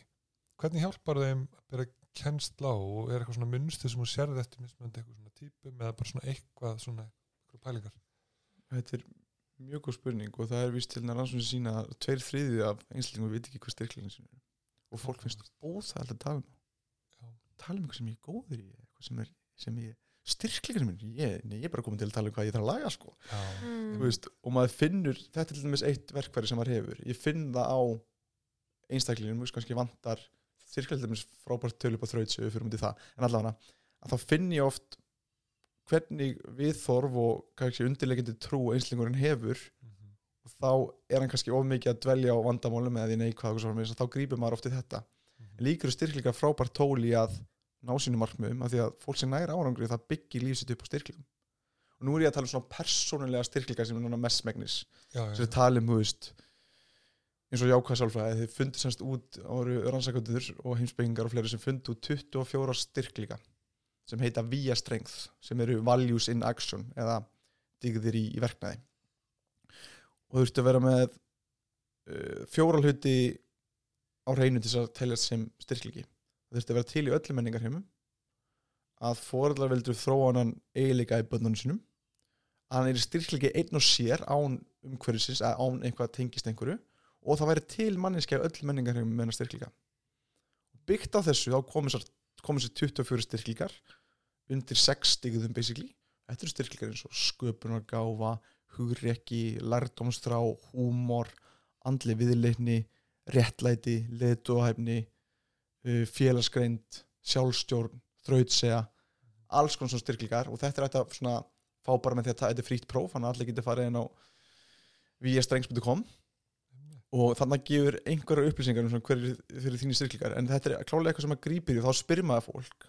Og sumt, fó, að flest, lang flestir geta nefnt ekki marga góða eiginleika sem mér finnst sorglegt Mhm. af því að það hafa allir einhverja styrklinga og e- allir eitthvað fram að færa og allir eitthvað sem eru góður í og og auðvitað á maður að vera meðvitað á því að líka það sem gefur okkur svo mikið að það er að við notum styrklingarnar okkar Já. það sem kallast flæði í ákvæður sálfræði þegar við erum í sóninu Mhm. allir tengja við það að þú ert bara í góðu spjalli við vin eða podcastspjalli eða þú ert á æfingu eða þú ert að gera eitthvað verkan í vinninu og tíminn bara líður svona Mhm. og þú afkasta það bara fórlega miklu og þið leið svo vel í þessu ástand og svo leiðis þannig ertu mjög líklega að nota einhverja þínu sense. Þess vegna er þetta líka svo ánægileg aðtöp Mhm. og en, en, en klálega hver, vera meðvitað um styrklingan og hvernig maður getur notað á og það er auðvitað er maður einhver liti sem besti sérfræðingur en sem getur maður fengið hér frá öðru fólki. Einhver besta vin eða mömmu svona pappa eða hvað, spyrja hver, hvernig finnst þið vera styrklingarna mínir? Mhm. það er eitthvað sem maður sér kannski sjálfur. Eða taka svona test eða hugsa bara, hvað hérna hverju liggja mínir styrklingar í eiginlega aðeins velta þessu fyrir sér sko, af því að það er alveg mikið virði í því að þekkja það og nota það sér til góð sko. En svo þegar maður er búin að finna þessa styrkleika, hvernig á maður svo einhvern veginn að byrja að reyna að nota þá? mm. Þannig að núna veit ég hvað styrkleika ég hef, sem bara það sé húmor og einlegni og þrautsegja. Mm. Hvernig á ég svo einhvern veginn að fara að nota á meira? Gerist það bara sjálfkrafalega og ég veit það, eða ertu með eitthvað svona markvissa vinnu í því? Nei, það er eitt að það er eitt að þekkja þá og annað að nota þá sko. Mm. og það er líka hægt að ofnota þá Mhm. Ó, það er það er það, og það er vist ekki gott fyrir okkur þannig er þessi, alltaf þessi gullni meðal, meðalvögu sko, mm. því að forvinni er styrklegi en forvinni er ekki, er ekki styrklegi þegar ég myndi spyrja ykkur núna bara hvað er þið með í launi það eru bara svona nota styrklega í raungum aðstæðum Já, Já, og, og hérna að það er ákveðin dans sko en, en hvernig nota maður styrklingum sinna til dæmis er svo segjum sér svo að þeir eru hætti í fótbolta. Þannig að þetta er á styrklinga sem er sko líka gildi mitt eiginlega. Og þetta er smá svona overlappana en það er heiðalegi og ég var skítrættu að taka þessu ákvörðin bara, veist, aldrei, ekki verið svona stressaður í mjög langa tíma og bara labba um gráin, bara með eitthvað tónlist bara haldum að fyrir og bara vissi ekki neitt sko. Mhm. en það sem ég tók með mér inn í það ákvörðun sem er einhver áskorun það var heiðalegi að ég vissi ef ég er heiðalegur myndi leggja allt bara mitt niður, bara nákvæmlega mína tilfinningur og vera heiðalegur gagvar þeim sem ég er að segja tala um ákvörðun og heiðalegur sjálf með að því ég vissi þetta var rétt fyrir mig það myndi vera allt læg en, og ég hugsa eftir á hvernig anskotanum fórstu að taka þessi samtölu þetta er bara samtölu þjálfara, samtölu stjórnaformenn Já. samtölu leikmenn er allt sem ég gert. Og ég hugsa á bara hvernig, hvernig fannstu kraftin í því eitt af því að ég tók eitt styrkleika með mér og gildi inn í þessar aðstæður sem hjálpuðu mér að eiga við þær. Mhm. það er til dæmis eitt, síðan er örglega önnudæmi um bara heiðarleika aftur, þá getur það, hvernig getur við nýtt til þess að bæta félagslegu tengslinn okkar? Er eitthvað betra í þessu lífi en að segja sannleikan með að vera heiðarlegur? Þú veist, Nei, í, út af því að þá get ég sagt við mig, ok, eru sambandi við vinn minn ekki nógu gott ok, af hverju ekki nógu gott, já því að hann er að hegða sér á gagvart er sínar óvinningu eða eitthvað, ok hvernig getur nota heiðarleika núna til þess að díla við þessar einmitt. Mhm. Gott já, dæmi. ég kannski nota hann til þess að segja sannleika um hvernig mér líður og tjá tilfengar mínar Einmitt. frábært, go for it Mhm. Já, þetta er gott dæmi og því að ég held sko að því að, þú veist, að spyrja hvað dæmi, þú veist, hvernig svo ætlum maður að nota þessa styrkleika, sé alltaf gott að horfa, þú veist, bara hvert er maður að stefna, hverju er markmiðin, mm -hmm. Búta þetta niður eins og þetta segja þann og svo er maður með styrkleikana bara þarna til liðar, hvaða styrkleika get ég nýtt í þessum aðstæðum, Mhm. eins og þú varst alltaf að lýsa. Já, og kemur upp eitthvað vandamál, get ég nota styrkleikana mína til að leysa þetta Mér er svo cool er þetta svona afmarkað, því ég, ég held ég aldrei gert það svona óksla spesifíst, bara maður með eitthvað vandamál með einhvern skjólstæðing og svo er maður bara hérna eru styrkleikindi þínir, hvernig við að nýta þá? mm. Mér finnst það, ég er núna bara að laka til bara fyrir vinna morgunin og, bara svolítið pælið þessu svona, mér finnst það- mér finnst það mjög gott. Ég er Mhm. mjög vart, ég er að finna er þetta við þetta að ég fór ekki svona í þessa kannuhólu sem styrkleika var bara tvö af þrjú, þreymar árum á árunum minni því ég bara vildi það, ég hafði ekki trúið ég var bara svona, ég var bara svona styrkleika, hvað er þetta? Síðan fór ég í þetta og las um þetta og ég bara þetta er bara besta sem ég lesi og bara báka ég tengi við þetta sko En það var svo sorglegt eins og þú segir, tveir af hvernig þremur sem er ekki meðvitað um sína styrkleika og bara, Já. Það er rosalegt sko. það er alveg styrla sko. Af því að það er nógu mikið sem við teljum vera að okkur sko. Tilbúin til að bera okkur niður fyrir það sko. En svo, hérna, mér er svo áhugavert að því ég hef svolítið notað þetta hjá mér, þú veist, ef að krakkar eiga rétt með styrkleikan, þá byggðum bara um að spyrja fóreldra og kennara og svona, Mhm. en fyrir fólk sem er að hlusta núna að því ég veit, persónulega, ég ætti mjög erut bara með að ringi mömmu og eftir bara, "Hey, mamma, hérna neina farið mínu styrkleika? Eða, þú veist, ringi kæristuna og eða, þú veist, eftir og tala við hana hvernig fyrir fólk sem á erfitt með að nálgast þessa umræðu hvernig getur maður tekið spjalli við þau og reynda að íta á þau að fá álit í öðrum? Bara hefur einhvern mann átt þetta spjall við einhvern? Nú þekki því mikið með að vinna lillu guða með fyrirstöðunni hvað á maður að gera þegar maður óttast eitthvað? Maður á bara að dempa sér í það mæta því viljandi í skrefum að það ekki Er það ekki sem enginn er allar sálfræði meðferðin nánast sem varðandi Í kvíða eiginlega, jú. Mm. Það er í öllu þessu, í að chapter sem kom upp með therapy í Conor Behavior Therapy Mhm. þú veist, það er alltaf ákveðin ángi þar sem er settu það niður í hæfilega stóra bita Mhm. það hæfilega stóra bita að þú hefur raunverulega möguleika á að hann ávara pínur hræðandi en eitthvað sem þú bara missir ekki vitið á að taka Já. Þannig að kannski er þetta bara kannski fyrsta skrifi bara að þú veist skrifa sjálfur niður og reyna átt að sjá því. Annars skrifa er bara hvaða einslega tristi er mest Já. og kannski spyrir hann að gætur nefnt eitt styrk af því að þú veist, Já, þetta er góða punktur. Ég held að það sé eina leiðin það er bara berskjölda Já. sig sko. Það er bara að mæta því þetta er svo mikið algengur samnefnari hjá manni líka. Það er bara að vinna fólk sem er óttast eitthvað eða eitthvað svona er hvíðin fyrir einhver ákvörum eða eitthvað svoleiðis bara En mér finnst þetta gegja því að maður er að tala við skjólstæðingi meðferð, þau eiga mjög oft og ég núna, er, nú er þetta poppið með mér, eins og segir, tveir ekkurinn þremur, maður hugsa þetta í meðferð, það er örugglega tveir ekkurinn þremur sem er með að greina sína styrkleika og taka þetta þá bara svolítið, láta þau skauta niður fyrst mögulega, Mm. hverjum tristir við mest og búta þetta svolítið niður með þeim, mm. það sé bara gegja nálgun sko. Kannski við förum í síðustu spurninguna því ég held bara að tíminn sé að hlaupa frá okkur við þurfum eiginlega bara að fá því annan ég kem podcast er ekki? er hérna uppbóls þakklætisæfingið þín til að auka þakklæti? Og af hverju er það mikilvægt?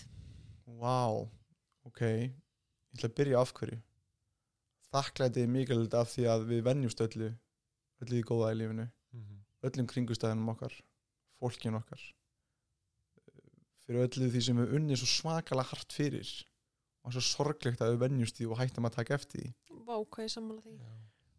Kostunum við þetta er náttúrulega að við erum þraut en við gerum okkur grein fyrir að við venjumst líka slæmum uh, svona erfileikum basically sko. En þetta er bara svo kröftugt verkfari að benda manni á það sem maður hefur sem maður er búin að gleyma í rauninni. Og það sem sko og að dýfka bara þakklæðsins gagvart sko ekki bara hlutum en sérstaklega manneskinum í lífum hans Mhm. tjá því þakklætt og vera meðvitaður um það er bara það er gífulega mikilvægt sko.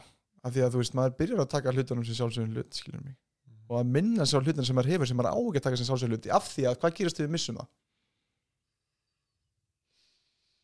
Það er hérna önnur æfing sem stóísku hugsunin gerðu sem kallast neikvað ímyndun. Þeir byrjuðu hvernig dagar að ímynda sér að þau myndu missa allt. Bara húsi færi, Oh makiðin færi heilsaðin færi. Og markmið er ekki að dvelja á þessum hugsunum. Nei, nei, þú veist, bara átt að sjá að þú þarft ekki að missa eitthvað til þess að það myndist svakalega þakkliti fyrir það sem þú hefur. Mhm. og uppáhalds að þetta var svona kannski st- stutta útgáðan á þessu uppáhalds útgáðan mín er er henni þakklætis bref þá bara nefnir maður einhvern skrifa maður á bref til einhver sem er einhver einslíkast, það getur verið bara hver sem er. Getur verið einhver nákomin, getur verið einhver skerir í greiða getur verið manneskjan sem þess vegna held dýrinni verið opnið í hurðinu á kaffehúsinu eða bara sýstiðin eða eitthvað svo liðis Mhm. og þú skrifa bara brefið gefur svona tíu myndu kortir í að skrifa bara þitt þakklæti í garð þessar einstilling og síðan er náttúrulega og, og þarna getur maður að fara á rosa djú, djú, djúpar tilfinningar og góða tilfinningar og, og svona ég hef farið bara að mist táur yfir þessi verið að gera þegar ég er að skrifa þetta fyrir mömmu og pappa eða eitthvað svoleiðis Mhm. síðan er gott að, að hérna, þarft ekki að senda brifið getur bara haldið því hjá þér en auðvitað ef þú vilt að þetta aðri fá að njóta góðs að þinna æfingu þá náttúrulega ferði með brifið annarkost sendi það eða, eða ferð með það til og lesta upp fyrir þeim eða sendi þau í gegnum einhver skilabóð eða eitthvað svo liðs Já, já. Þetta er rosa falleg æfing og bara sko. bæði fyrir mann sjálfan og líka Já. ef maður ákveður að deila með öðrum ég fæ bara svona hlít í hjartað já, ég er hérna að skora á sem að hlusta að þið, að þið hendi sér í þessu æfingu hugsa um eina manneski sem þið væri til að skrifa bref til og farið með til þeirra og, lesið upp fyrir þá Hvað ert að ráðleggja oft, þú veist, hversu oft á maður að vera að gera þakklætsæfingu? Fyrir fólk sem er bara, já, þetta er geggja æfing og mér langar að bara venja mig, þú veist, vera meðvitaður um það sem ég hef í lífinu mínu. já, Hvað á maður að vera að gera? Það er Þetta þessi- oft. þetta klassíska, þú veist, þetta er náttúrulega bara bref sem þú getur gert nánast hvað svo oft sem þú vilt en síðan er þetta klassíska þakklætislisti sem er mjög einfalt og áhrifaríkt það er bara listaði eitthvað þrennt sem þú er þakklætu fyrir og Mhm. af hverju þetta þakklætu fyrir það og svona þú veist, ég getur verið þakklætur á því að það fengi mér í podcast það er svo margt sem hægt að vera þakklætu fyrir ég getur verið þakklætu fyrir vatni sem ég fekk ég getur verið þakklætu fyrir um, að ég eigi hérna frakka Mhm. eða ég getur verið þakklætu fyrir því að ég sé bara með augu opinn, skilur mig Mhm. þannig að þetta er mjög auðveldlega og, og geðveik geð, og Guðni Gunnar segir geð heilt. Geð heil leið til að byrja daginn af því að þá myndast þetta svona jákvæði spíril kannski út daginn. En síðan er hinaðingin eru þrýr góður hlutir. Það er svolítið að fara yfir daginn. Mm. Það var eitthvað þrennt sem ég gerði gott í dag. Og af hverju var það gott? Það og það líka æfingi þakklægt að að því að við erum víru eftir því að taka eftir því neikvað tökum ekki eftir styrklingum okkar, heldur veiklingum okkar og takmörkunum að við erum líka víru að taka eftir því neikvað sem gerist til dæmis ef ég held fyrirlestur og hann er heilt yfir bara frábær en síðan er eitthvað eitt sem ég sagði sem er Mhm. hefði átt að gera betur, þá er það líklega til að naga mig heldur en að fyrirlistan hafi verið heilt yfir frábær þannig að þarna svo æfing er mjög góð að, að lista þrem góðum hlutum yfir daginn til þess að þjálfa hugan í að taka meira eftir þessu jákvæða og þetta venjulega í lífinu að því við vitum að það gerir gífulega gott fyrir okkar veljan og okkar hilsu sko. Þetta gerum við rosa mikið af. Veist, að þjálfa aðteklin okkar, beinu við henni. mm Af því þú veist, hún býr til raunveruleikun okkar. Mhm. Þannig að við erum að leita af einmitt þakklæti og öllu því góða eins og þú segir að þá náttúrulega styrkist aðteklisvöðun þar. algjörlega og svona þetta, þetta sko, að kallast eitt svona, þetta er öll svona, svona yngripp úr jákvæða sálfræði, svona jákvæða sálfræðilega yngripp, Mhm. eitt sem heitir savoring það er bara, hvað er hérna aðtöpt sem þú hérna drífið þið vanlega í gegnum og tekur nánast ekki eftir sem þú gætir verið til staðar í og notið til hins ítrasta eins og- Mm. hvernig síðast stöldur við þegar við vorum að fá okkur kaffibólla ára mm, hvað þetta er gott kaffi Lyktin. bara í rauninni núvitindi já, í rauninni, í Mm. augnablikinu eða bara sturtan já, ég drýma alltaf í sturtunni en nú ætla ég bara að vera í sturtunni bara vá hvað það er að fá þetta þú veist, og bara sjálfur taka mér já. eftir sko, þjálfa aðteglina í að taka eftir þessum menjulegu hlutum og jákvæðu hlutum. Þetta er frábært Já. Og ég einmitt bara hvet alla til að prófa þetta verkværi sem að þú varst að leggja til mm -hmm.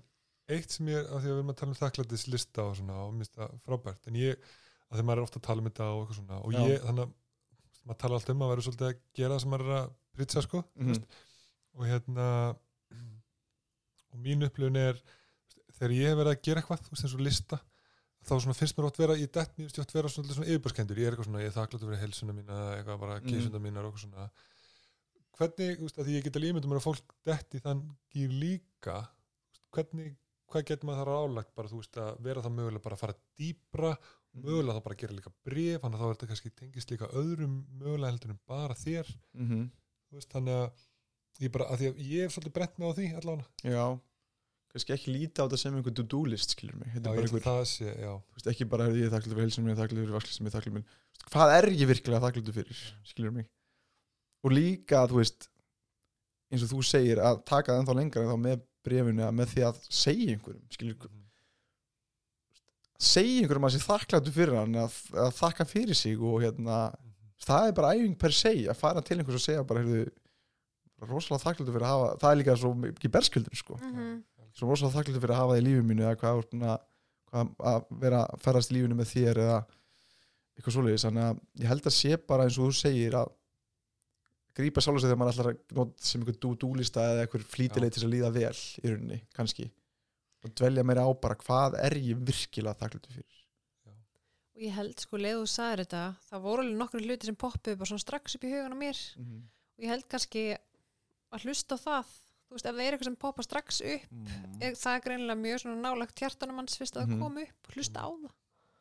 Mm þannig að það getur kannski 100%. verið eitthvað já, það kannski fallega að veða, það getur verið svo margt sko. getur verið eitthvað yfirbúrskend getur verið bara eitthvað tala mín eða eitthvað já. já, það má. Já, það má alveg. Og síðan getur þetta bara verið hérna þú veist bara lífsleiði manns í lífinu þannig að sko, þú veist. Þannig að þetta getur verið ansi, ansi margt. Ef ekki bara enda þetta á þessum nótum? Jú, algjörlega, og bara mjög gaman að fá þig. Takk hjálpa fyrir að koma. Takk fyrir Já, að koma. Takk fyrir mig, ég hef aldrei káða svona djúft í hérna, þörlunsálfræðan og svona og jákaðsálfræðan, þannig að þetta er bara mjög gaman að fá að tala við ykkur og gangur áfram vel og ég mæti aftur bara sem fyrst eða ekki? Gekka, við hlökkum til. Takk fyrir, bye.